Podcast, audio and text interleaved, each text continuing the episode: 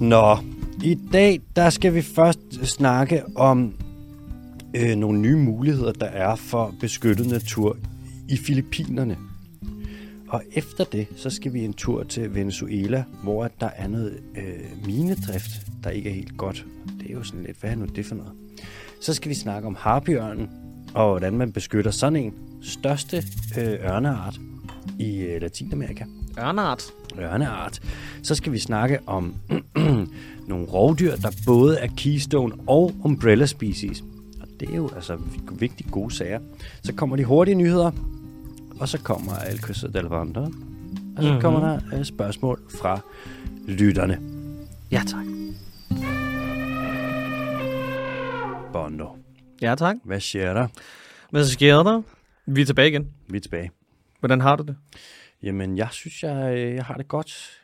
Jeg har øh, Hvordan har du det oven på den lange weekend her, sådan en mandag morgen? mandag morgen. Jamen, øhm, Nå, Vi har jo været ude at spise. Du, du, øh, vi, vi, skal ud at spi, vi, skulle, vi skulle ud at spise i fredags. Det er hver gang, du laver de der øh, tidser, hvor jeg er sådan, mandag, hvad, og så er jeg sådan, hvad dag er det egentlig i dag? Ja. Ja. Nå, ja, jamen, jeg har det Vi- vi godt var over ude- for weekenden. Vi var ude at spise i fredags. Dig og mig. Ja. Og to kammerater. Hvordan gik det? Ja, det gik fandme godt. Hvordan havde du det lørdag morgen? Jamen, lørdag morgen, der havde det fandme ikke godt. Nå, okay. Godt. Og så var jeg ude til fest også lørdag. Det var du. Ja, Okay. øh, og det, det var sgu fandme også sjovt for helvede. Sindssygt. Og så søndag, der øh, jeg skulle også lige, ej, ikke ud og sådan smadre, men også lavet noget hyggearrangement, så jeg har, jeg, jeg har det godt. Det var en fuld weekend. Ja, det var et fuldt program, lad os sige det sådan. Klasse. Og øh, fredag, vi, vi hyggede rigtig meget i fredags. Det var første gang, vi så vores kammerat Sebastian, efter han er blevet far. Ja. Det er så dejligt, han var så Tillykke. glad. Tillykke, ja. Med den lille nye. Mm. Nå, ja. Ja, der er GDPR, så vi siger ikke noget. Nå, nej. Nej. Nej. Glip. Der sker ikke, øh, der sker sgu fandme ikke så meget, altså. Der, er, øh, der er som altid, der kom lige til at tage til et arrangement, jeg ikke skulle have været til. Jeg var, havde det som om, at jeg var, øh, det ved jeg ikke, spion på en eller anden måde. Vi, kan- vi kan ikke komme nærmere ind på, hvad det var, men jeg skulle nok ikke have været der. Du er blevet en lille lobbyist. Ja. Jeg stod i blandt nogle mennesker, hvor jeg tænkte, øh, igennem mit erhverv som øh, videograf og fotograf, så kunne det godt være, at jeg måske skulle have vidst mere om dem, der hyrede mig ind til den her opgave. Ja, det kommer vi ikke nærmere ind på. Hvad er det, det hedder? Øh, okay, må jeg komme med en lille en forklaring eller en lille reference? Mm-hmm. I, I det nye testament, ikke? Ja. Så på et tidspunkt, så sidder Jesus foran et, øh, sådan en, en synagoge, ikke? Som man nu gør. Mm, og så sidder han der og tegner med en, en pind i sandet. Så kommer der en masse folk over med en kvinde, som de har fundet. Nå, Og er sådan, prøv at høre, hende her mand, hun er, øh, hun er prostitueret. Øh, skal vi ikke stene hende ihjel? Og så siger Jesus til dem, siger han, ja, det gør I bare.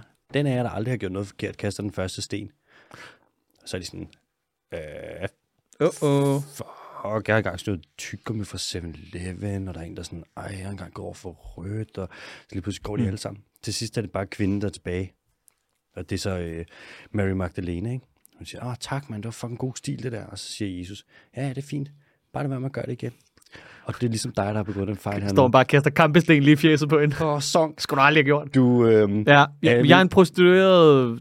du er Mary Magdalene, ja. Ja. en af de vigtigste figurer i hele verdenshistorien. Mm. Men øh, måske snarere end det, du begik en lille fejl, det gør vi alle sammen. Ja. Det er sgu okay. Har man nogensinde fundet hendes evangelie, eller skal jeg skrive mit eget? Og Man, så så... har, man har fundet det. Okay, ja. Er det et godt evangelie? Vi kan jo lige tage den. Yes. Velkommen til det bibelske hjørne. Jeg synes, det er, først og fremmest, man fandt det jo i Nakamati mm. i 1943, sammen med Thomas og Philips evangeliet. Ja. Og jeg synes, det er et udmærket evangelium. Det er kort, det er på 43 sider. Øh, der mangler nogle af dem. Og man kan se i det evangelium, evangelium, at Jesus var rigtig, rigtig, rigtig glad for hende. Er, det, er, der, er det måske øh, lidt tilfældigt i gåseøjne, hvad det er for nogle sider, der mangler? Det der, hvor de lærte hinanden at kende siderne. Og så øh, spurgte Jesus der, hvad er fredag, hvad sker der? Øh, hvad så, mand? Er du klar? Hvad så har du et nummer, eller du bare ligge? Nej, øhm, Philips evangeliet, hvor der bliver snakket om sex. Jesus snakker om sex. Thomas evangeliet, hvor han siger, at himmeri det er her på jord. Altså, det kan du ikke have. Nej. Og et evangelium skrevet af en kvinde, er du sindssyg? Nej, det er meget, det er meget appendices, ligesom med Ringnes Herre, ikke? Mm. Altså, det udkommer efterfølgende i sådan en extended edition. Hvor er det sødt af dig, at du lige øh, åbner den op, og jeg får lov til at snakke lidt om religion. Du ved, hvor meget jeg elsker at snakke om det. Det ved jeg også godt. Jeg skal også til at, jeg har jo lovet mig selv, at jeg skal prøve enten at blive, øhm, altså prøve at begynde at gå op i astrologi, eller religion.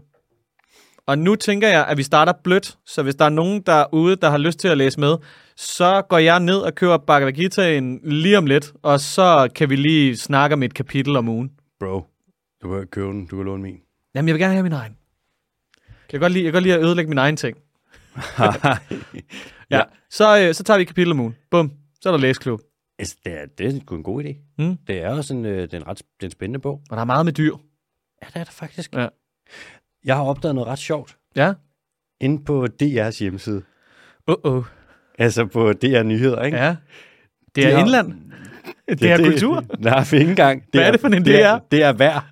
Det er værd. På forsiden, der kommer der sådan en lille vejrreportage hver morgen. Ja, det er rigtigt. Har du lagt mærke til det? Jeg har lagt mærke til. ja, det er, ja, det er du sindssygt. De siger ikke regn. Nej. Jeg har lige tre af dem her, som jeg For hver gang, der er sådan... Bare her for, hvad er det, et par uger siden, så skrev de, torsdag bliver skyde og næsten tør. Og sådan, altså, det kommer til at regne, eller hvad? Det kan være, at det skal være sådan DR's ugentlige kon, sådan konflikt. Øh, s- af, altså, de skyr jo for konflikt. Altså, der er ikke nogen, der tør sige det regnvejr. Ja, jeg var sådan, så prøv at lave et take på det, bare for at synes, det er sjovt. Så ja. Ja. sådan, I dag bliver det næsten varmt, og vindstyrken bliver, og kunne have været mild, men det er det ikke. Kommer der kraftig regn, det bliver i hvert fald ikke tørt overhovedet. så kom der, så Det er jeg som om, de er bange for at bruge de der mellemord. Sådan, øh, det, det bliver næsten varmt. Som i, okay, lunt. Ja. Altså, kan vi blive enige om, at det er lunt? sådan, hvor, hvorfor ikke sige det? Så kom der en mere, hvor ja. Ja. sådan, kender du ikke det, så lægger jeg mærke til det. Så lige pludselig, så en morgen, så står der, It's a pattern. ja, så står der, mandag bliver kold, men næsten tør. hvorfor siger I ikke, det regner? Hvorfor siger I ikke, det regner? Hvad med nedbør? Så skriver de ved Nej, siden af- nedbør, det bruger man slet ikke. det er for kompliceret et ord. Ja, på norsk, når det blæser lidt, så siger man en lapperbris. En lapperbris. Altså, hvorfor siger vi ikke det? Så skriver de ved siden af, skriver de, der venter en rolig dag værmæssigt. Hvor jeg sådan, altså det bliver vindstille. hvorfor siger I ikke det? så kraftede min morges. Nej, det var det så ikke. Det var så en anden dag. Ja. Og der starter, bla bla, den her dag starter tør, men vandet venter mod vest. Og sådan, det er regn. Okay, men det er fandme også poetisk. Vandet venter mod vest. Vandet venter mod Er du vest. sindssyg? Og Sådan, prøv at løje, de siger ikke regn. Nej. Nej, nej. Du siger fucking ikke nedbør. Men prøv her, jeg havde jo en teori i mange år, og det jeg tror også, jeg har fortalt dig om den. Mm. Peter Tanef var kun på arbejde, men det var godt værd, fordi han var værguden. Har du, har du nogensinde fået dårlige nyheder fra Peter Tanef? Han står altid helt solbrun, altså sådan noget midt i øh, hvad der er, februar måned og siger, i morgen, der bliver det sol. Og så bliver der sol i morgen. det er Han er rigtigt. ikke på arbejde, medmindre det er godt vejr. Tanef, værguden, han gør det ikke. Der var nogen, der skulle tage over efter Voldborg ligesom var færdig. Det blev Peter Tanef. Og Peter Tanef, han bestemmer, hvornår Peter Tanef han går på arbejde. og det er kun, når det er godt vejr. Kun når det er gode Der nyheder. kommer kun, når solen skinner. Ja. Er det næsten tørt? Det er værwashing. Det er værværtswashing. Det griner af Voldborg og Lomborg. De lyder så meget som, den, som hinanden. Den ene har fucking godt styr på vejret, den anden fatter det ikke. Det er egentlig lort.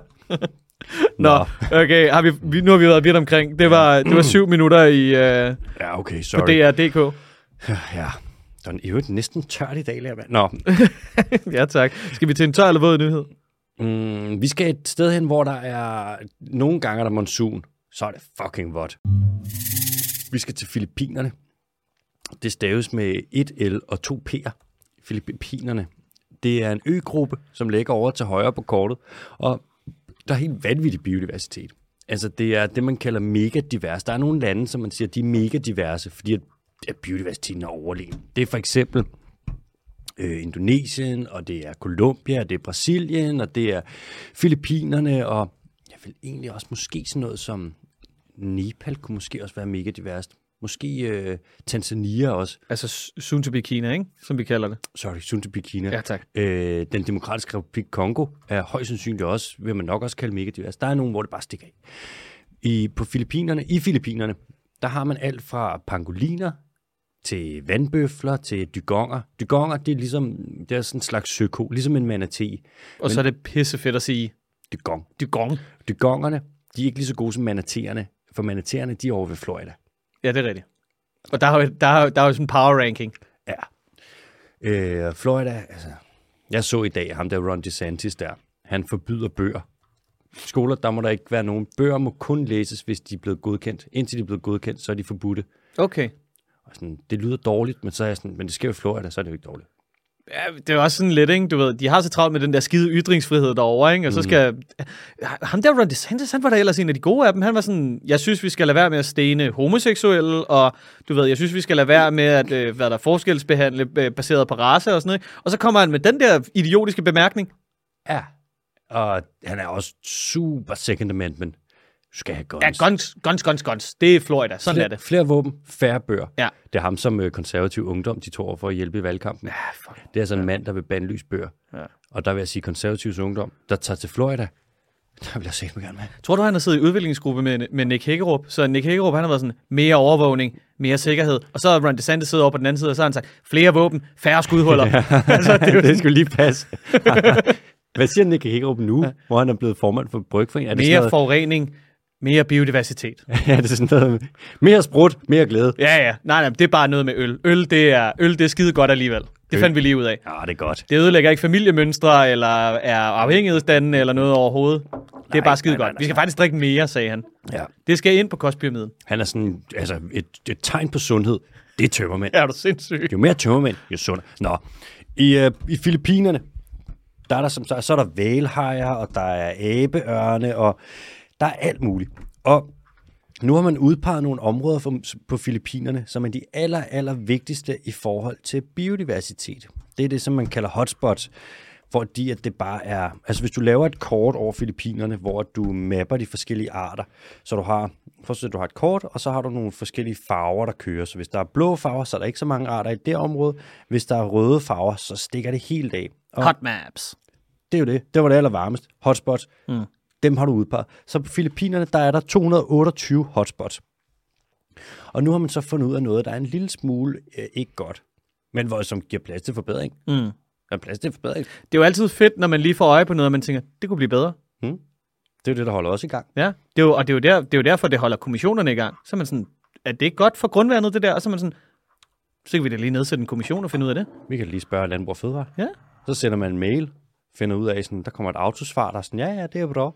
Man har ikke engang internet. Man er sådan, var det sygt, de ved det her på forhånd. Var det sindssygt, de ved det. Det er cirkulær økonomi.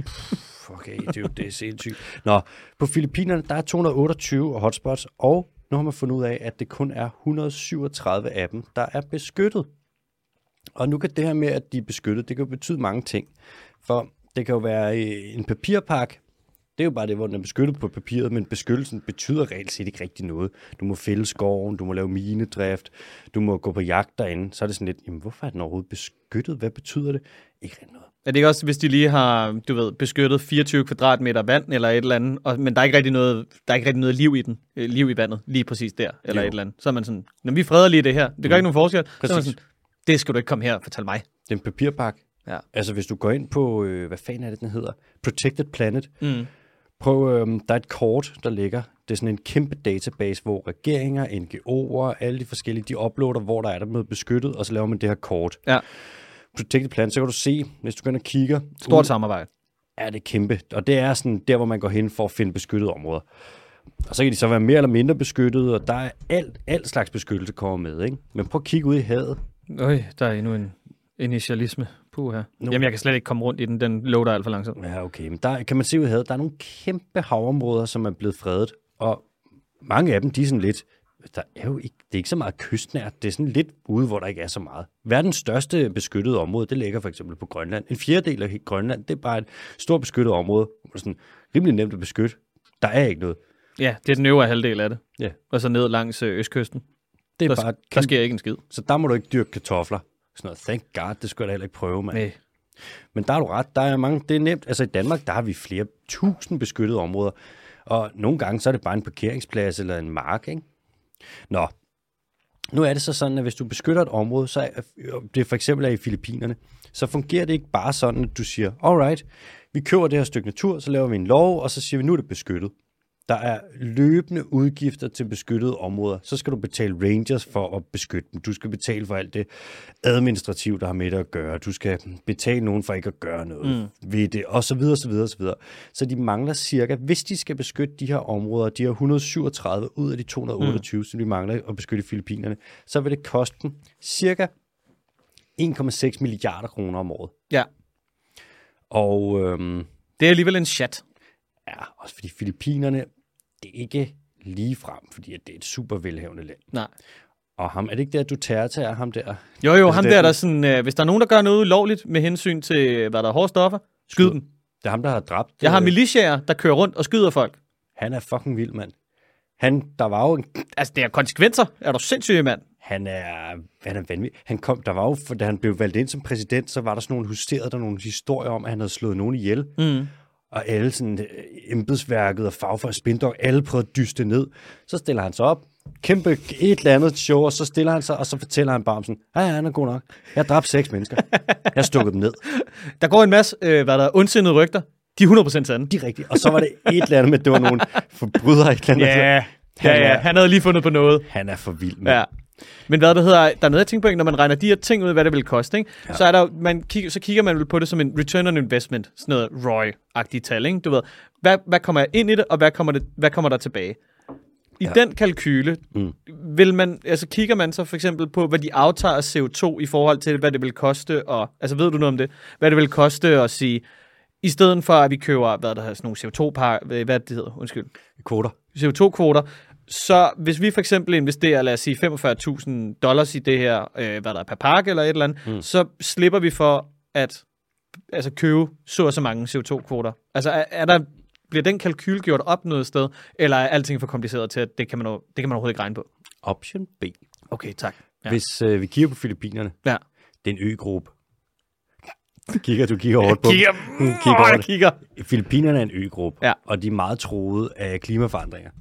Og hvis at klimakrisen den stikker af, så altså, det kommer til at smadre Filippinerne. Så er der både det med, nu ved jeg ikke, hedder det orkaner, når det er der? Eller er det tyfoner, eller er det cykloner? Jamen, det er, jo- men det er jo alt sammen det samme. Det er jo bare sådan noget regionalt lortesprog, ikke? Jo, jeg tror det er vist det er den sydlige. Det er monsun. Vi kalder det monsun nu. Det er i hvert fald fucking kraftig blæsevejr. Vi kan snakke, mm. altså flodbølger, alle de der ting. Og stigende vandstand, ikke mm. godt. Det er ekstremt dyrt for et land at øh, forsvinde. Kan vi ikke eksportere noget, øh, noget Lynetteholm til dem? Noget teknologi? Det er, jo så, det er jo det, vi så gerne vil. Den teknologi, vi eksporterer til dem, hvor du hvad det er? Det er en, høj- det er en stor væg. af bacon. Bagekon. Vi prøver at tabe ind i det filippinske marked. Gør vi det? Ja. Det var fandme også på tide.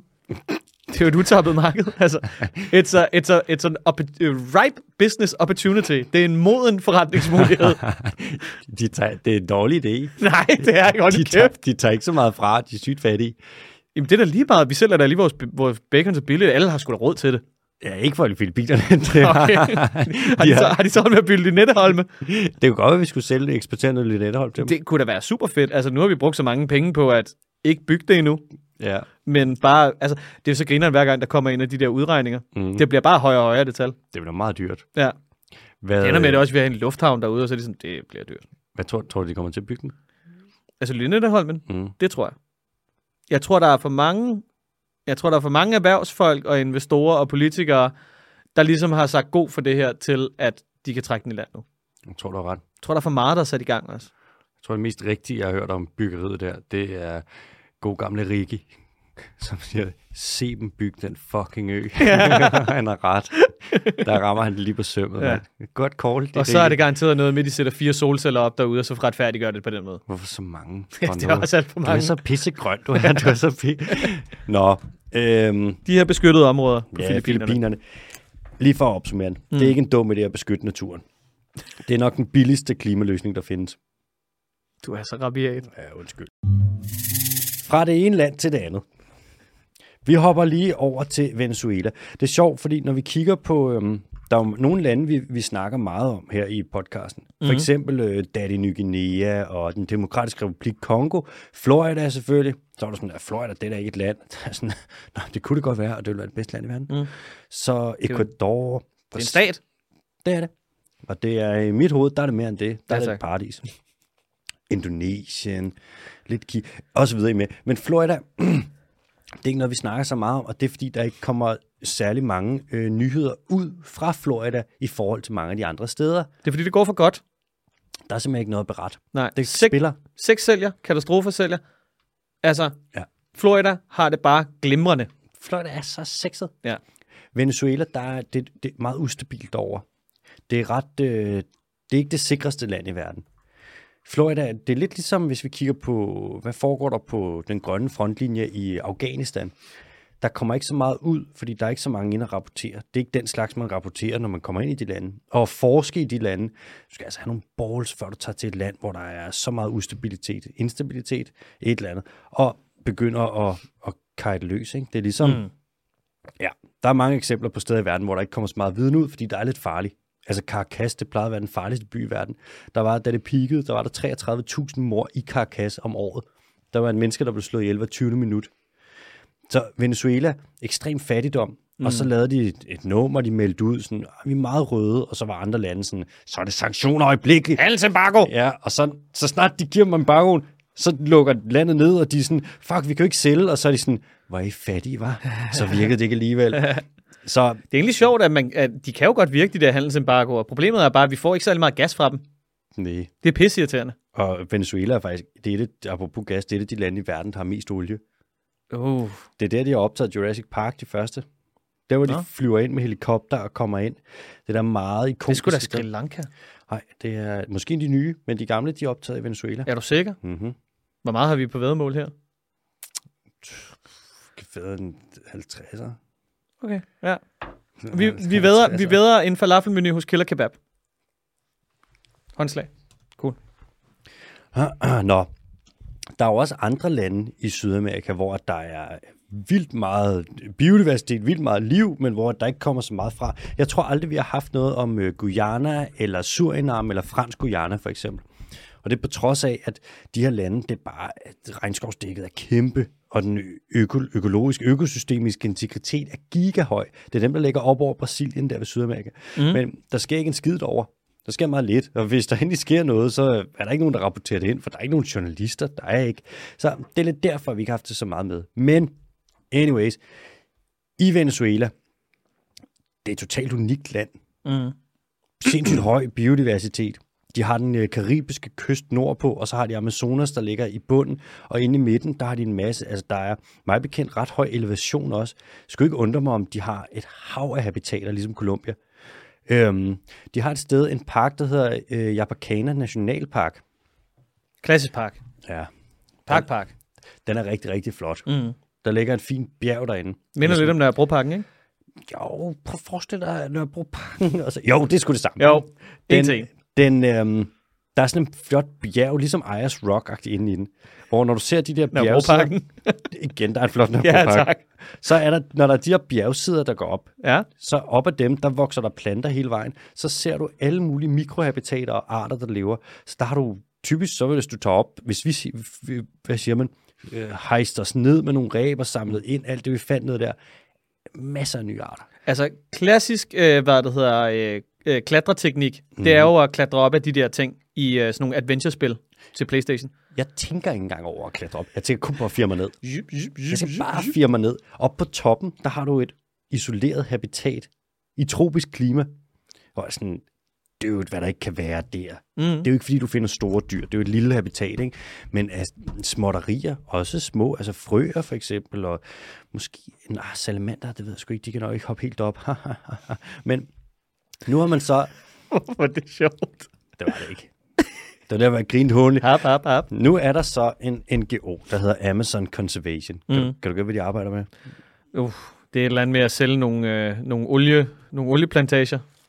Det er Conservation. Her der er det ikke naturbeskyttelse, men der er det konserves. De sælger konserves. De sælger Ja, ja, tak. jækkeborg fra Amazonas. God gamle. Sardin på dåse. Ja, det klammeste produkt i hvad det er Danmarks stolthed. Ah, Danmark, it's the country with the lurpak and jækkeborg and a lot of swine factories. Jeg synes jo altså også, kajsilden, den er med op i den der træenighed. Fy for søren der. Ah, Nå, anyways, nu har man øh, den her NGO, øh, Amazon Conservation, de har kigget på noget satellitdata. Og det er sådan, man, over- man registrerer skovdrift nu, eller når der bliver fældet regnskov. Ja. Og de kan se, at der er blevet fældet en masse skov inde i den her Japacana Nationalpark. Og det er så fordi, at der er guld derinde. Nå, I love ser gold. man det? Yeah, I love gold so much. Øhm, og det er jo svært at komme ind og mine guld ud, hvis du skal gøre det, øh, når der står nogle irriterende træer, Ja, så man fælder dem. ja. Når du skal vaske det her Det guld er ud brændt med, og så kan man lave det om til til aske, ja, det er jo kul og Det, det er jo brugt til alt muligt. jo. kæmpe stor mile. Du kan lave mildebrændinger og lave Ja. ja. kul, ja. Det er jo ikke det værste. Nej, og så er det jo bio. Du kan lave pyrolyse, du kan lave biokul. Bio, bio, bio, bio. Kan vide, om der er et land, der vil importere sådan noget. Nå, så kan du... Øh, Så er saltet. Ja.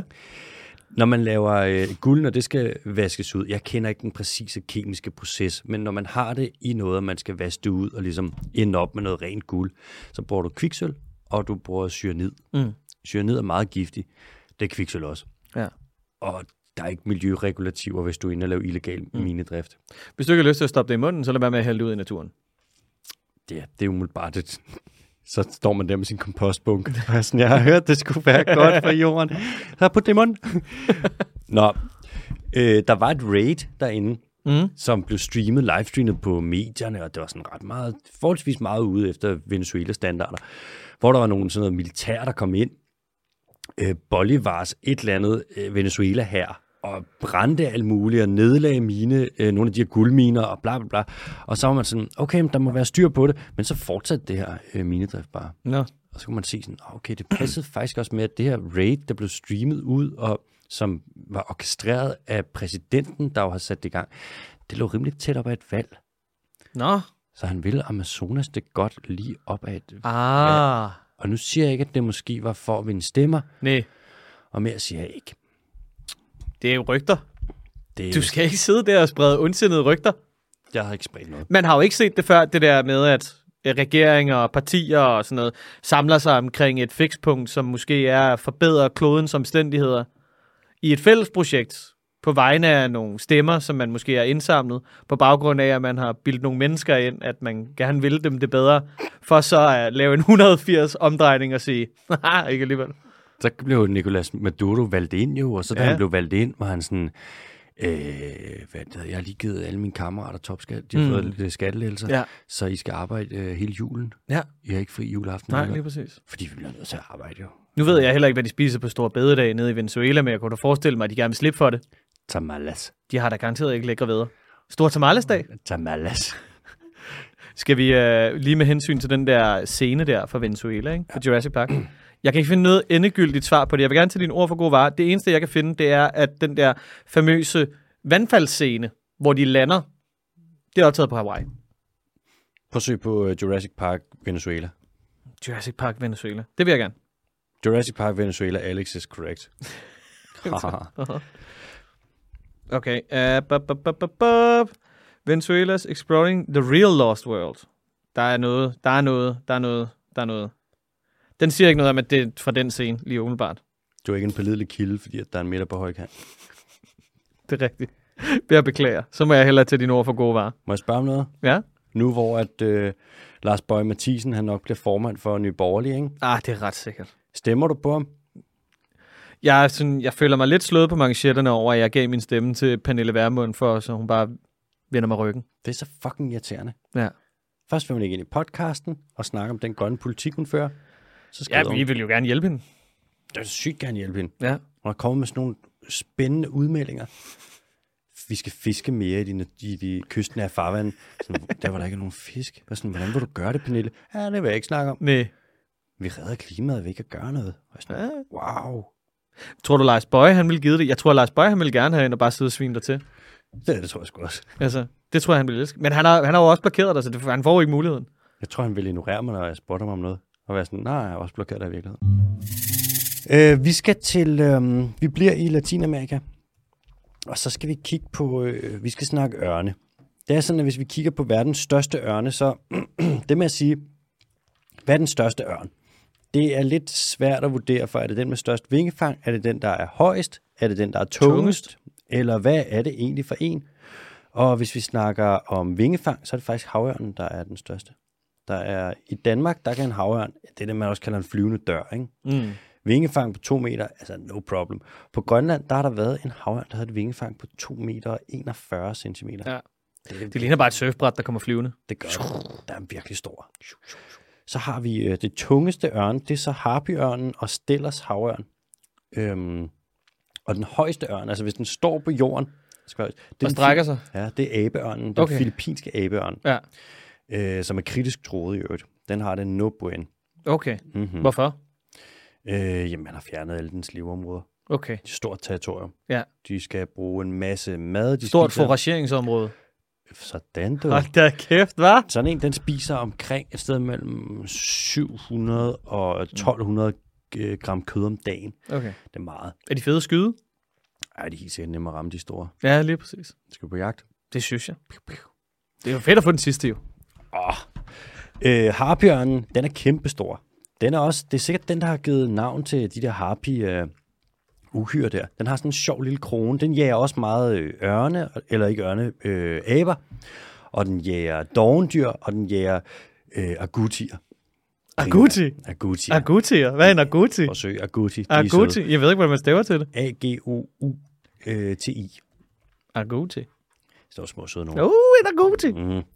Den, øh, hvis du tager en harpjørns øh, øh, klør, når den knytter dem, de er kæmpestore. Prøv at søge på Harpy Eagle Claws, så skal du se. Happy Eagle Claws. Den kan få lige så lange klør som en øh, grizzlybjørn.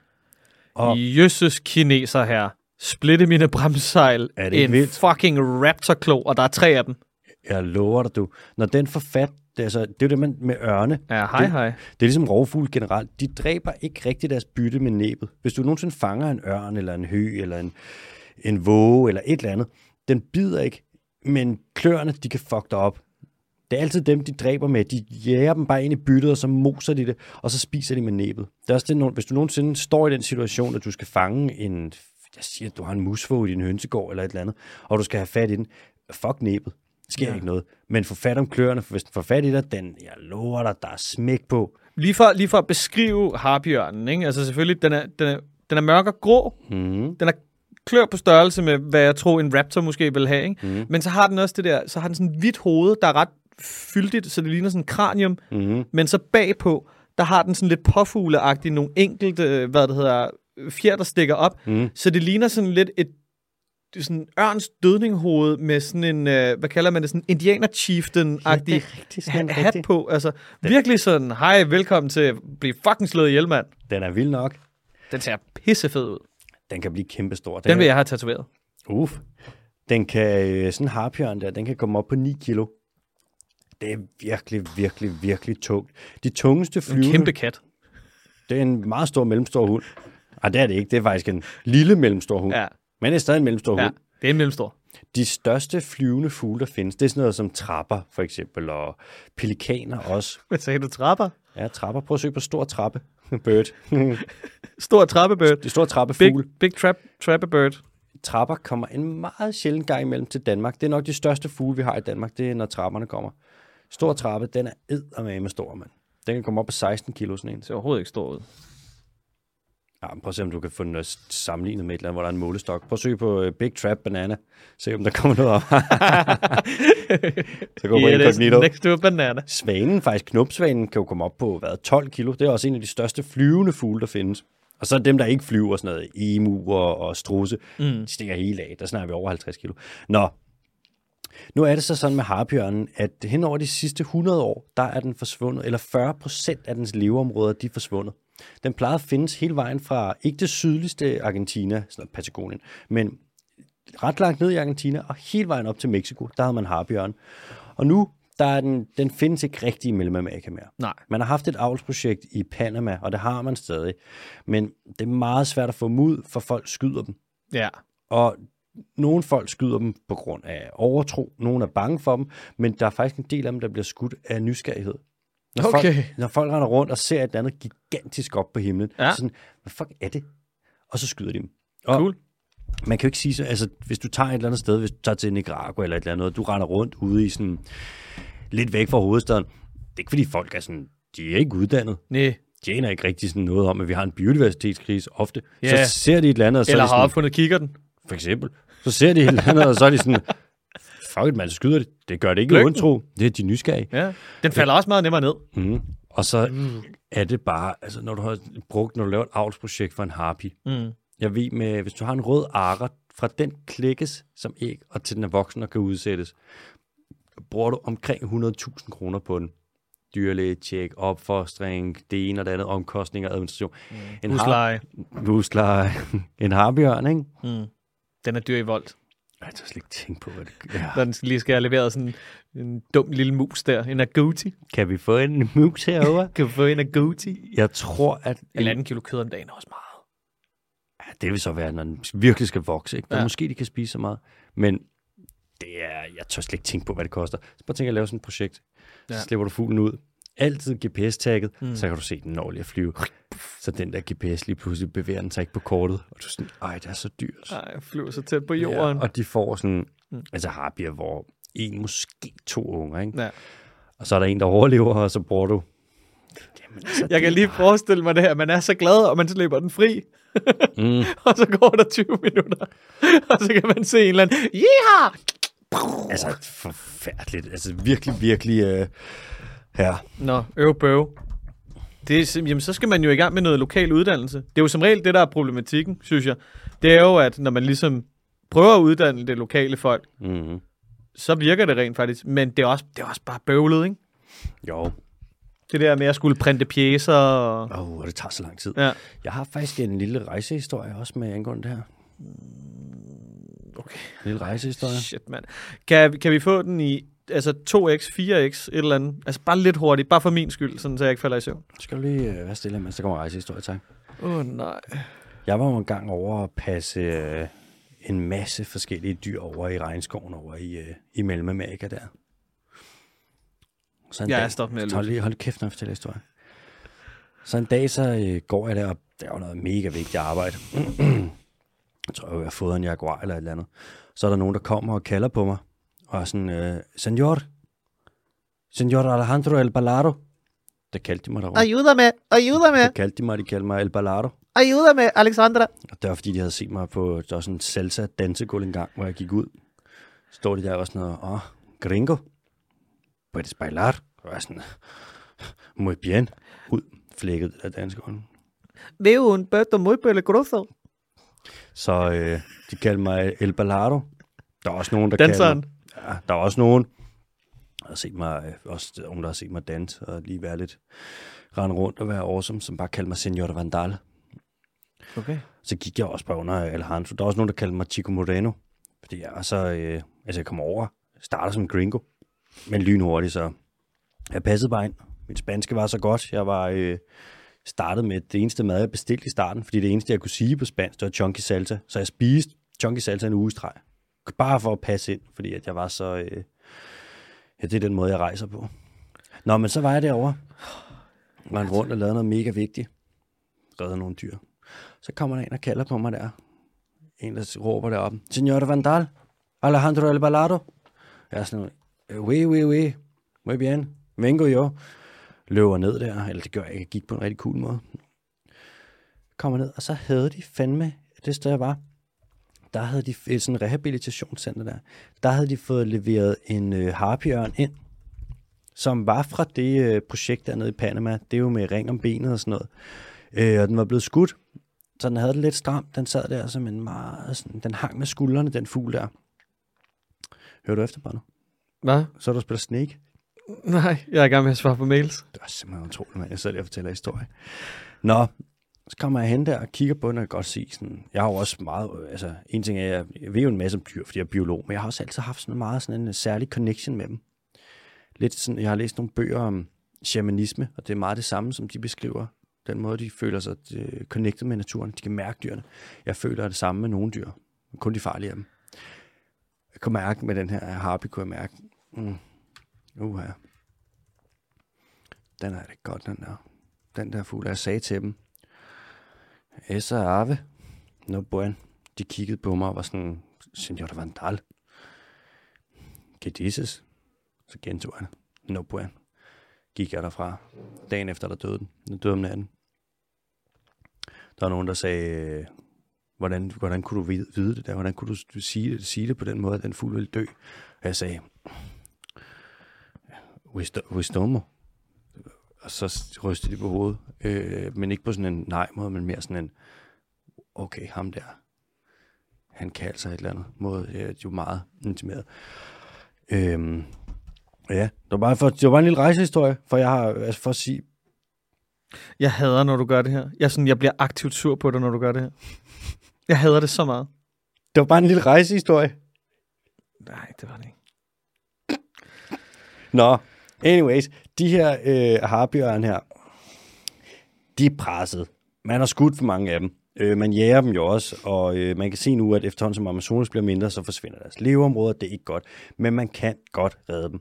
Det kræver en kombination af oplysningskampagne og beskyttelse af levesteder, økoturisme, fototurisme også. Der er mange, der gerne vil ud, ornitologer og så videre, at lave sådan en slags fotosafari, hvor de kan få billeder af de her majestatiske dyr. Øhm, hvis man gør det og lader være med at fælde Amazoner, så skal de nok overleve. Og det var bare det. Kan vi starte på en frisk? Skal vi starte på en ny nyhed? Ja, tak. Den her den er semi-hurtig. For man har fundet ud af, at øh, hvis man beskytter verdens rovdyr, og nu er det i mangel på bedre, altså rovdyr, der tænker jeg på det, man kalder canids på engelsk. Altså, de er, det er hundedyrene. Mm.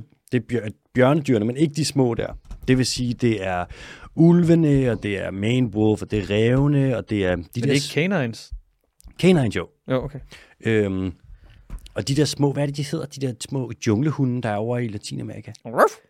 hvad fuck er det, de hedder? Prøv at søge på øh, Jungle Dog Latin America. Jungle dog. Der er sådan nogle små... George, George, George of the Jungle. Ej, jeg kan ikke huske, hvad de hedder, men sådan nogle små nogen. Det ligner sådan nogle søde små gravhunde. Som lever i- Oh, der var den. Ja, det er sådan en uh, African Wild Dog. Nej, nej, det skal være øh, i, Syd i Sydamerika. South America. Jungle Dog. Small Jungle Dog. Ooh, Uh, the Bush Dog. Bush Dog, ja. Beotus venaticus is a canine found in Central and South America. Bush Dogs, de er fandme søde, mand. Jeg ved ikke, hvorfor man aldrig har prøvet at domesticere dem. Det er jo, vil det være det nemmeste. Man behøver ikke gøre noget på, så sød den er. Det ligner sådan, det ligner, jo- den, den ligner et logo på en eller anden måde. Ja, den er altså i vild nok, ikke? silhuetten, den der. Ah, prøv så, hvor sød den er. Helt vildt sød, helt glat. Det er ligesom, ja. Det er sådan en langbenet mink. Mm. Nå, nu har man fundet ud af, at øhm, verdens rovdyr, ja, de her hundedyrene, ca- canines, de er ret vigtige for de økosystemer, som de lever i, fordi de jo er typisk vil være toprovdyr, eller være sådan semi-toprovdyr, og hvis man beskytter de økosystemer, som de lever i, så øh, vil de selvfølgelig have det bedre. De kommer ind og kan være keystone species, så de ligesom kan udfylde sådan en nøgleart, som det jo er at være et toprovdyr, eller lige et rovdyr, der bare er vigtigt på en anden måde. Nu har du også sagt før, at det er sådan, nogle af de der rovdyr er også gode til at luge ud i de der øh, eksemplarer af andre arter, som man måske ikke vil have overlever. Præcis, mand. Det er, øh, det er jo... Det er som om, de skærer de dårlige fra, de dårlige gener, og så bliver bestanden faktisk sundere. Deres fitness, den stiger, hvis man sorterer de dårlige gener fra. Hvad er det, der sker? her? Hold kæft, mand! Nytår! Hold kæft.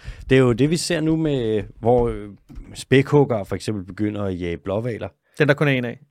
Ja, ja. Ja. spækhugger, der er bare en. Ja. Ja, der er en af. Hvis der er nogen, der siger noget andet, så har de fandme ret. Og så skal de bare holde kæft. Ja. Ja, det, så. Nu er der kommet nok blåvaler til, at spækhugger begynder at jage blåvaler. Mm. Det er jo et godt tegn. Men også fordi, så de blåvaler, der måtte have dårlige skener, øh, det er jo nok dem, der har størst chance for så at blive taget. Måske, ikke? Så det er ikke nødvendigvis dårligt. Det er en god ting at regulere bestanden på den her måde. Mm. når det er naturligt. Anyways, nu kan man se, at øh, hvis vi beskytter verdens canines, Ja, så slår vi lidt et par fluer med to smæk, okay. eller flere smæk. Nogle smæk. Nogle fluer med nogle smæk. Et par, det er jo stadig to. To fluer med et smæk, ikke? Det er færre smæk, Adskillige, adskillige fluer med et smæk. det er færre smæk end fluer. Som det går. Det er færre And, smæk end and now fluer. you have killed less flies than you have killed more flies than you have done with swats. Two, smack, two flies with one smack. Smækket. Man bevarer nøglearter, ja. Ja. og man beskytter de steder, de lever, hvilket begge dele er godt for organismerne, der også lever der. Et eksempel, det er Danmark? Nej, nej, nej, nej. nej, nej, er du Undskyld. sindssyg? Nej, er du gal? Nå, ikke, øv. ikke marken. Nej, det var bare lige mig, der havde bildet mig selv ind, at vi var en grøn forgangsstation. Lol. Vi er et lige så grønt forgangsland som en kulkælder. Oh. Der er den arktiske rev. Den har jo været lige ved at uddø op i, øh, de findes jo oppe i Nord-Norge og den nordlige Sverige, og så hen over Finland og Rusland. Man skød dem rigtig, rigtig langt ned for nogle år tilbage. Øh, og så er de så kommet tilbage, og kan man se sådan, okay, bestanden er presset, men så mange er der ikke. Til gengæld så klimakrisen, den begynder ligesom at vinde frem, så at der bliver mindre og mindre af det kolde habitat, som de ligesom lever i, eller der bliver bare varmere. Så trækker de sig lidt tilbage, og deres føde, deres hovedfødeemner, hvis vi kigger op i Kanada for eksempel og Alaska, det er mm. lemminger. Og de, kan jo, de dør jo hen, For så kommer der mindre sne, og så kan de ikke lave deres huler, og hvor skal de så være? Så vi ser sneuler og polarrev, arktisk rev. Sneuler i huler med lemminger, der... Det er totalt tilbage Stemmer. til Bakse Bakse skoven, eller hvad fanden hedder den der. Shit, mand. De, øh, de forsvinder, og så de arktiske rev er sådan, åh, der er ikke så meget mad, så forsvinder de også. Og så efterhånden, som det bliver varmere, så trækker den røde rev, dens habitat, eller dens leveområde, det udvider sig, så de begynder lidt at fortrænge de her arktiske rev. Og nu kan man jo gøre en del ting, hvis man vil beskytte verdens øh, canines. Hvis vi kigger på, hvad man gør med en arktisk rev, så øh, i det nordlige Skandinavien der og henover i Rusland, der er det, man gør, det er, at man øh, laver nogle controlling measures med de røde rev for at holde dem væk. Altså, man skyder sikkert nogle af dem Ja, ja. og så lægger man hundemad ud til arktiske ræve. Lige omkring 30.000 kilo hundemad. Okay, Det er, en, sindssygt. det er det, naturbeskyttelse er nogle steder nu. Ja, at vi simpelthen skal brødføde den natur, som vi har smadret. Ja, og klimakrisen, den laver nogle ting, der er så fucked, så vi sådan, ja cool, jamen, så må vi jo bestille 30.000 øh, kilo hundemad. Hvad tror du, folk voldt til, siger til sådan en, når, når de lige får den bestilling? Tja, Fucking ja tak, tak fordi I ikke tog Just Eat. og så laver man jo reintroduktionsprogrammer, som virker sindssygt godt, ikke? Tit og ofte, hvor du tager de her dyr, og så avler du en bestand, eller har nogle i fangenskab, og så bla bla bla, bruger en masse penge, får lortet ud i naturen, og det virker bare. Mm. Så det er godt, pas på canines, øh, lad være med at skyde alle ulvene. Ej, sorry. Sorry. Okay, hvor skal de penge komme fra, hvis det ikke bliver fra Dansk Jægersamfund? Det var ret. Det var ret, senior Ja, ja. ja. Bondo. Nå. Skal vi til det hurtige? Ja, det synes jeg. Der er kun ja, to. Ja, har i dag. du, og du har slet ikke taget noget med med PFAS eller noget? Nej, jeg tænker Det skal jo på ikke blive politisk, tænker jeg. Jeg tænker godt på det. Men altså, de har jo styr på det derinde. Ja, ja, det må man jo sige. Har du set det, Det, er med... jo, det der med... Okay, lad os lige... Badum, badum. Lad os lige snakke løst og fast om PFAS, inden de dyrske... Eller inden de hurtige nyheder. Ja. Ja. Hvad tænker du? Jamen, jeg, altså, jeg synes jo bare, at det er en, det er en sindssyg beskrivelse at slå op, og så være sådan, nå, kan jeg vide, hvad det der PFAS er? Og så er det sådan, det bliver beskrevet som evighedskemikalier, og hvad kan man sige? PFAS er noget, som er, det kommer fra PFOA, som har sådan et, du ved, teknisk term, eller ikke et teknisk term, men et brandnavn, der bare hedder Teflon. Og du ved, så kommer man tilbage og kigger på, hvad Teflon er, og så finder man sådan en, en krise fra DuPont-koncernen over i, øh, hvad det hedder, USA, hvor at du basically bare har ødelagt helbredet og jorden i et helt lokalsamfund, fordi du bare hældte tynder af fucking teflonaffald ud i undergrunden.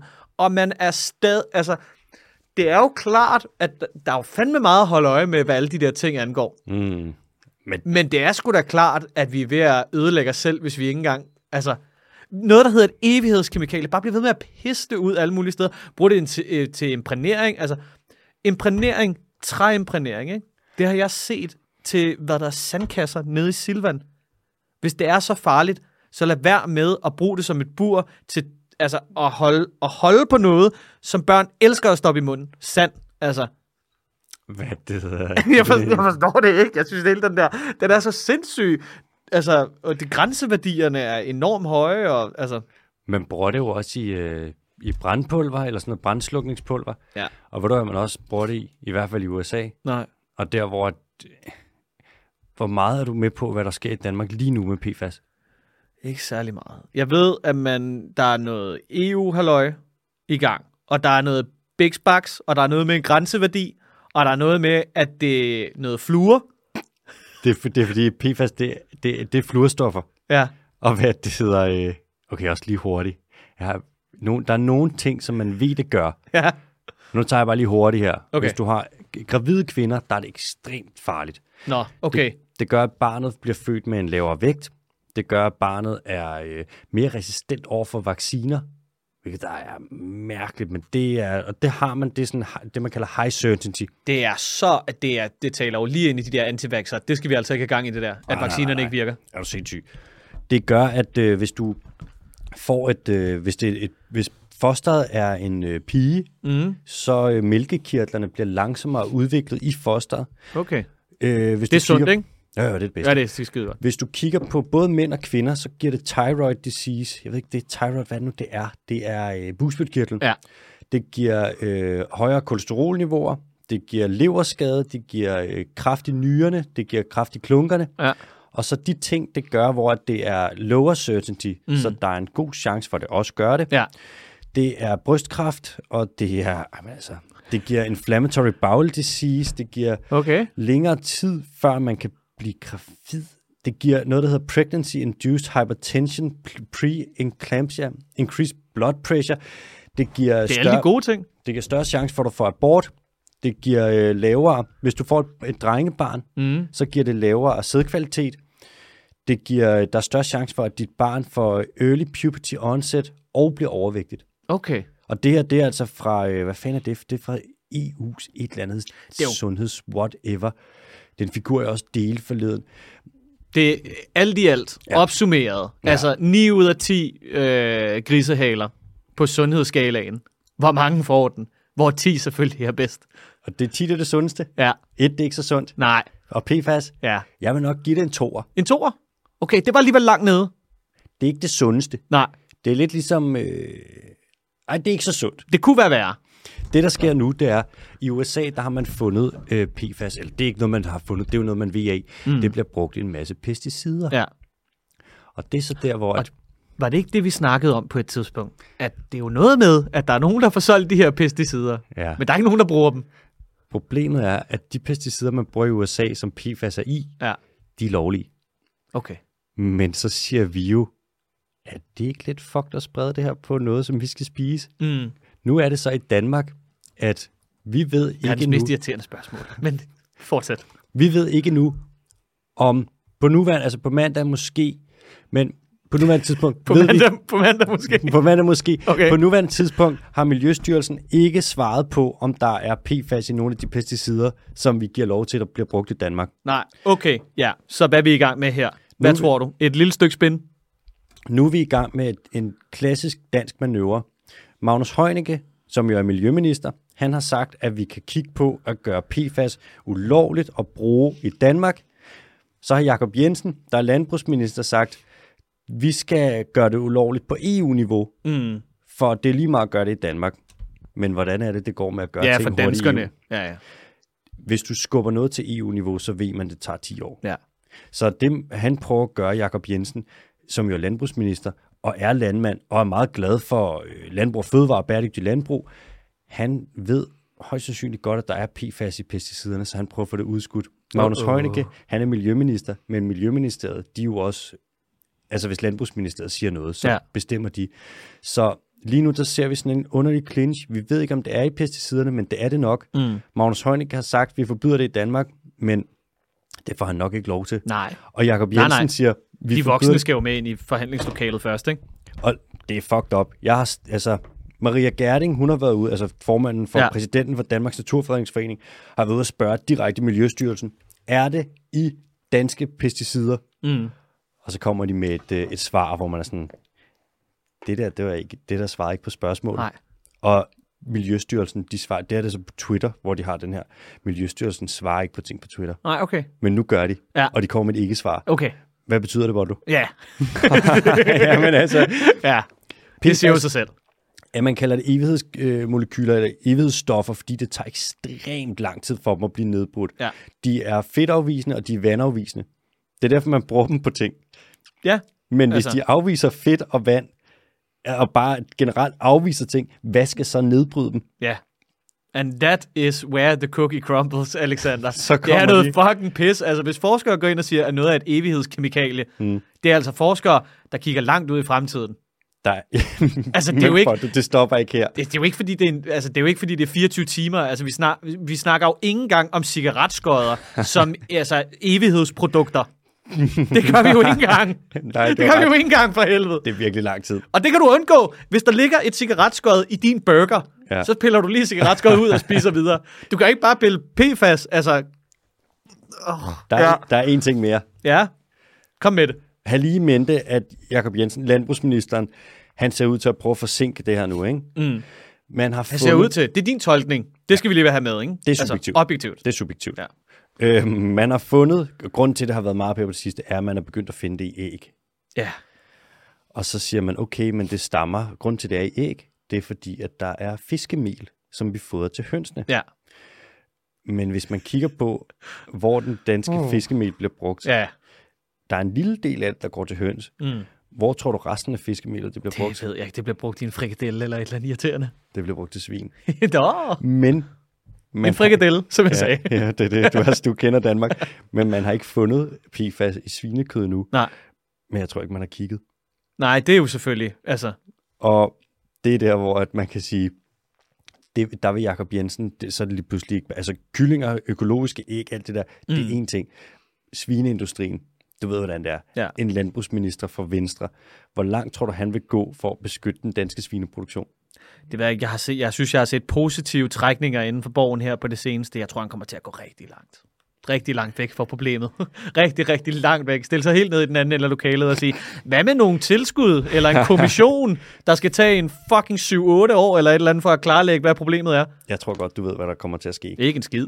Nej, man kommer til at bruge et redskab, som er rigtig, rigtig, rigtig, rigtig brugt, når det er med landbruget. Det er rigtigt. Det er jo aftalen skaffertape.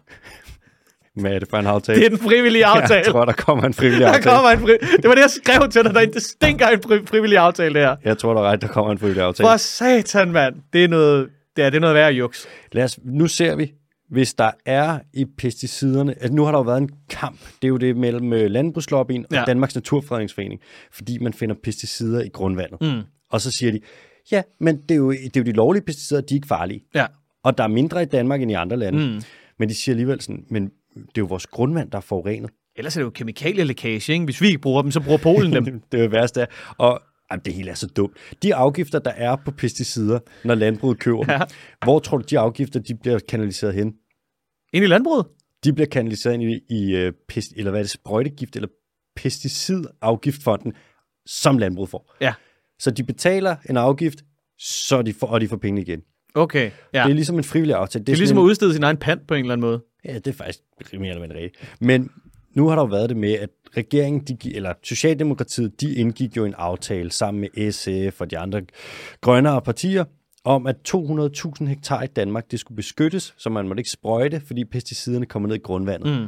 Så snart de kom i regering med Venstre, så siger de, ikke alligevel. Men nu er det så nok der, hvor vi er. Nu, nu er vi nok der, hvor der muligvis er PFAS i noget af det, som kommer ned i grundvandet, Okay. som jo giver os kraft. Ja. Så du kan godt se, det er totalt... Er det grundvandet, der giver os kraft, eller er det PFAS'en? Det er grundvandet. ja, tak. Det er grundvandet. For Ja. ja. der, var, gru- der var kraft, før der var PFAS. Ja. Ja, det er rigtigt. Men har du set den der Dark Waters? Nej. Det handler om der, øh, den der, hele den der sag med Dupont, øh, hvad det hedder, virksomheden, som laver det der Teflon. Og der så du præcis de samme. Altså, det var jo sådan køer og farme, der mm. bare døde. Fik sorte tænder, svulster, syster, deres indre organer. Altså, det, der er så sindssygt ved vores organer, det er, at hvis du bliver opereret, og de tager alle dine indre organer ud og propper dem ind willy-nilly, altså, du ved, sætter hjertet nede ved røvhullet, så skal det fandme nok finde på plads. Men derover der, altså i en, i en ko, der kunne de ikke engang regulere sin egen størrelse. Er det rigtigt? De voksede sig så store, at de internt sprængtes. Det er jo, altså, det er jo vanvittigt. Det er en rigtig dårlig ting med de der PFAS-stoffer. Ja. Men det er jo også... Og, og jeg er kun sur over det, fordi jeg lige kun har fundet ud af det. Det er ikke noget, jeg har været sur over i lang tid. Det, jeg, jeg er ligesom alle andre idioter derude. Jeg repræsenterer bøgerne. Jeg er sur nu, fordi jeg har fået øje på det. Det er ikke noget, jeg har gået og været sur over i lang tid. Bliver du, også, bliver du sur over nu, at der er nogen, der arbejder for, at vi ikke skal forbyde det? Jeg er faktisk ikke så sur alligevel. Jeg synes, det er lidt tragikomisk i sidste ende. Nu skal vi bare rende rundt og få kraft på grund af det der dumme grundvand, vi alle sammen går og hiver op, bare for at overleve. Jeg ser, hvis du skal se, hvem der er sådan på industriens og lobbyens side nu, så se, hvad for nogle politikere, der er for PFAS, og hvad for nogle, der er imod. Ja. Og så se SVM-regeringen, ikke? den ultimative lobbyregering. Nu har de fået serveret en ordentlig dampende lort. Du. Rigtig konsulenthus af en, øh, af en regering. Det her, de kan få alt til at ske. Ja. Bare ikke for klimaet, eller miljøet, eller biodiversiteten. ja. Nå, Nå. skal vi hoppe til de hurtige nyheder? Det var en lille detur. Ah, et sur. Første, det er bare havrødder. Der er kommet mange flere havrødder over på øh, USA's. Det er så øh, til venstre, ikke? så det er over på øh, vestkysten. Man skød dem jo næsten i bund en gang i sådan noget i år 1700 is, der kom der nogle russiske sejlere over til USA der, og opdagede sådan, uh, de her havrødder, de har den cirka den fineste, lækreste pels, man overhovedet kan have. Og så plukkede de bare af fucking mok. Man fik bestanden ned på, jeg tror, man fik ned, altså ud over et kæmpe område, fik man ned på 150.000 individer. Mm. Så det er ikke særlig meget. Øh, Det er jo, igen må vi bare sige, når de her ting sker, hvor man skyder Hmm. populationer i småstykker, mm. imponerende. Det er jo et godt stykke arbejde. Det er det. Det er grundigt. Har du set, hvor stor en havredder den er? Det er jo, et, det er jo sådan en tyk baguette. Jeg lover det, dude. Prøv at søg på øh, havredder. Sea otter. Der er jo to, Sea otter. to arter. ikke? Der er en lille en, som lever lidt længere sydpå, og så er der den store der. De er, det er sgu ikke engang en Nå ja, lille det stor- er rigtigt. Det er bare sådan en, øh, det er sådan en superbæver på en eller anden måde. Basically, det er jo, og den er klassificeret som et marin pattedyr. De kan komme op på, jeg tror, de kan komme op på over 50 kilo.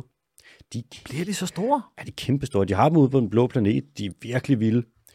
Så bruger de værktøjer. De laver det der med at dykke ned, og så tager de sten, lægger sig på maven, så ligger de og smadrer alt muligt. De lægger med deres unger på brystet og krammer dem.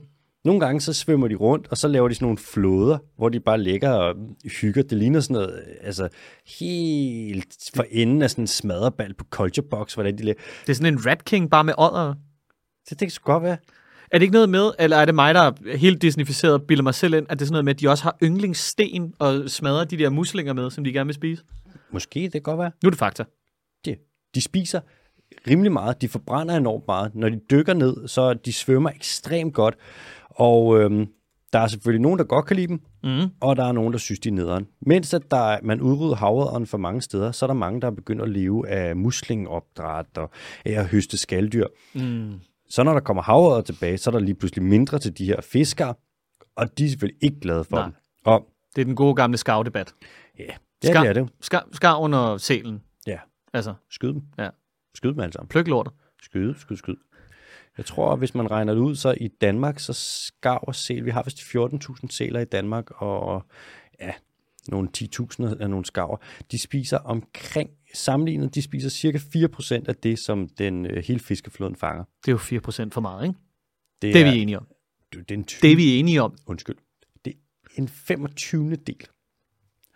Og så er man sådan, vi bliver nødt, det er dem, der ødelægger fiskeriet. Sådan, ja, nej, Der må ikke være produktionsomkostninger nej, fra et allerede, du ved, presset erhverv. presset erhverv, der ellers får ret meget støtte. Ja, de er, lad os, de, de kunne godt gøre det bedre. Nå, men havet, nu kan man sige, at de kommer tilbage. Altså, det er jo fedt, de har jo en vigtig funktion i øh, økosystemet, mm. men øh, vi skal jo også give dem plads, ellers så er det svært for dem at komme tilbage. Og så tager vi også lige en anden hurtig. Man har lavet et studie, hvor man har sat 2,3 millioner vildkameraer op i, på tværs af troberne på øh, The Americas, Afrikas og The Asias. Og så har man kigget på, hvordan at pattedyr de opfører sig efter deres, øh, altså deres døgnrytme. Mm. Rimelig ens. Nå, Det kan man se. Cirka det samme. Man kan se, at der er nogle dyr, de er jo aktive samtidig med deres byttedyr, og Ja. så videre, og så videre. Og det eneste, der skifter lidt, det er den insectivores, insektæderne. Mm. Den der underlige gruppe af sådan noget desmaner og mulvarper og solenodonter og alle de der ting. stadig så skuffende at google en solonodont i forhold til, hvor fedt det ord er. På Google, desman. Desman. Desman. Mm. D-I-S-M-A-N. These nuts. Det er desman. Eller- Desman. Ellers prøv at google stjernemulvarp. Nej, den har jeg godt set. Det er den, der nærmest har sådan en hånd ude for enden af næsen. Super sensitiv Ja. ja. organ. Anyways, øh, insektæderne der, de er mere aktive om øh, dagen i The Americas og om natten i Afrika og i Asien. 2,3 millioner vildkameraer. 2,3, 2,3. Ja. Jeg elsker, når de kommer frem til sådan nogle non-agtige nyheder. Det er sådan, hvordan tror du, det er? Sådan her. Det er præcis sådan, det er. Det er meget fedt. Så ved Ja. ja. man det. Ja. Så er det sådan noget, det er indre ur. Nu skal vi gætte. Ja. Men altså, hvad de også har fået med, ellers de 2,3 millioner kameraer, det er jo datamængden og de analyser, de kommer til at lave, ikke? Det kan man kun gisne om. Ah, bare vent, der kommer til at komme papers og papers og papers. Papers og papers og papers. Nå, Senor Bondo, Jeg skal vi til det? Giv mig en kvisser. Cool. Kan du huske, hvordan det foregår, det her, Alexander? Ja, jeg plejer at gætte den i første bud, ikke? Ja. Okay, øh, altid en fun fact, efterfulgt af, øh, hvad det hedder, fem facts. Og man ved aldrig rigtig, hvor svær den bliver, fordi at, øh, jeg ved ikke en fucking skid om dyr, og jeg ved heller ikke, hvad Alexander ved, så nogle gange så gætter han det i første hug. Øh, Det sker ikke så ofte. Øhm, og andre gange, så tager det mm, lidt for lang tid. Fuck Vi starter ved dette fun fact.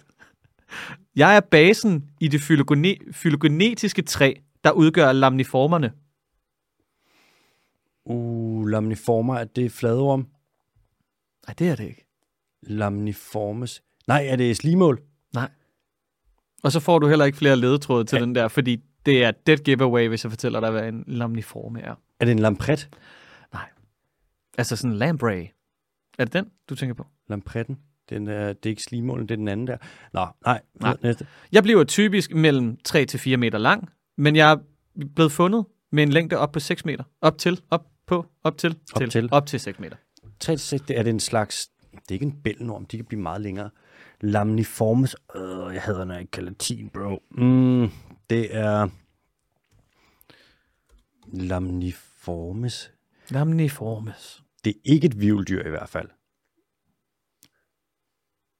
Er det, Det ved jeg ikke. Er det en slags... Måske. Nå, jamen, så må det være... Men du sagde, hvad var det, det fylogenetiske træ for... Lamniformerne. Der, er det, der udgør den her basen. Er det Så når grenen starter, så vidt jeg kan forstå ikke, når grenen starter, så er det her det første dyr ned ad grenen. den mest primitive Ja, repræsentant. Ja. Det er... Øhm, med andre ord. Den mest simple. det er ikke et bruskfisk. Altså, det er ikke hajer, rocker, guitarfisk, alle dem der sværfisk. Guitarfisk. De hedder elasmobranches, ikke? Det, er- så er det sådan noget elasmobranchita, det starter. Lam, er det fisk? Hedder de, lam, er det lamniformes, den orden hedder? Hvis det er den mest simple fisk, så er det sgu da den der øhm, lanternfish.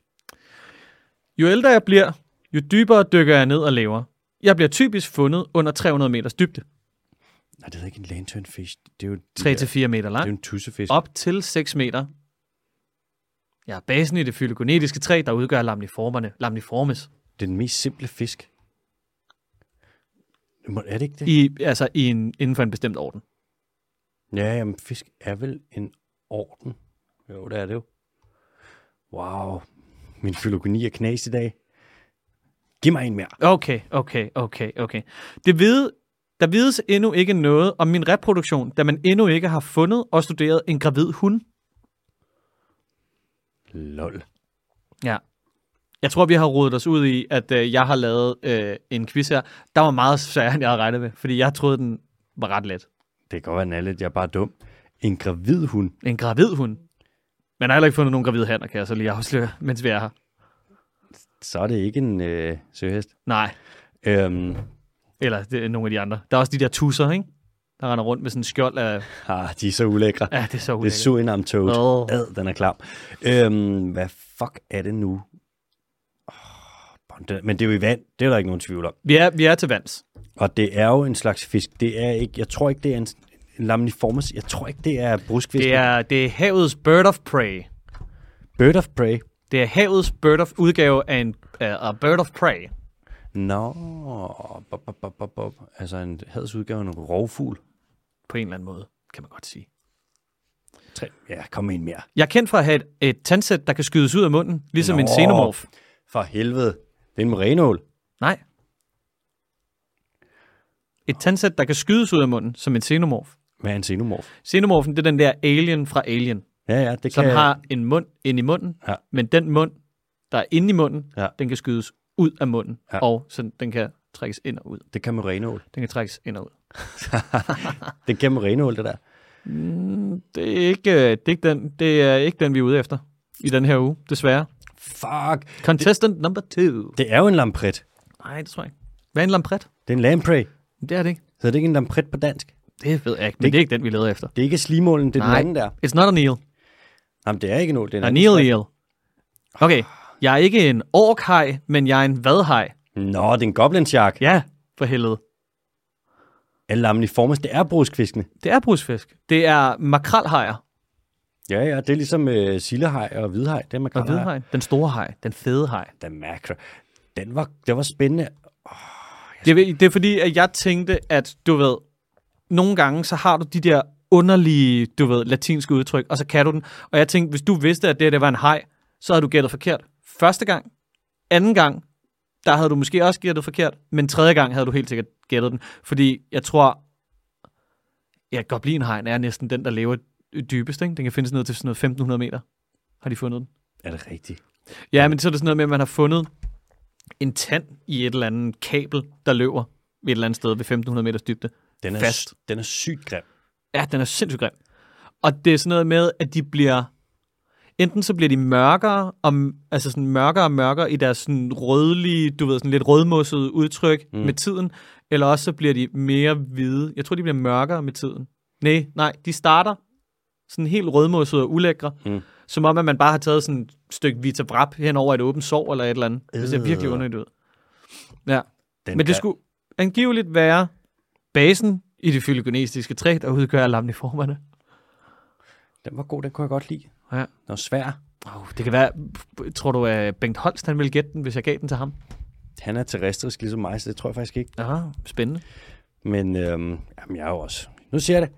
Jeg er svag på fisk. Ja, for helvede, mand. Det, er også, øh, det var en lortequiz. Beklager. Lort. Vi må gøre, øh, better luck next week. Yeah. Vi skal til spørgsmål. Det første spørgsmål, det er fra Camilla, som vil sige, øh, hej med jer. Hej Camilla. Hej Camilla. Først vil jeg sige, at jeg fik en smuk julegave af min datter. En stiklingeholder fra AH's værksted. Så fedt. Der er jeg bare pisse glad for, mand. Kan man lige gå ind på stillemøbler.dk og se, hvad der er tilgængeligt. Mm, mm. Det er jo jul om ikke så lang tid. er Happy Wheel, så skriver hun, Camilla skriver, jeg har et spørgsmål. Mm. Jeg ser tit i diverse reklamer, at man viser øh, bambustøj som et vidundermiddel og et fantastisk naturprodukt.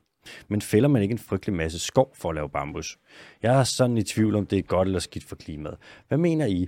Glæder mig altid til jeres podcast. K. Camilla, Må jeg give mit bud? kom. Jeg kunne forestille mig, at, og det her, det er, jeg hiver det ud af røven, at bambus ikke er det værste.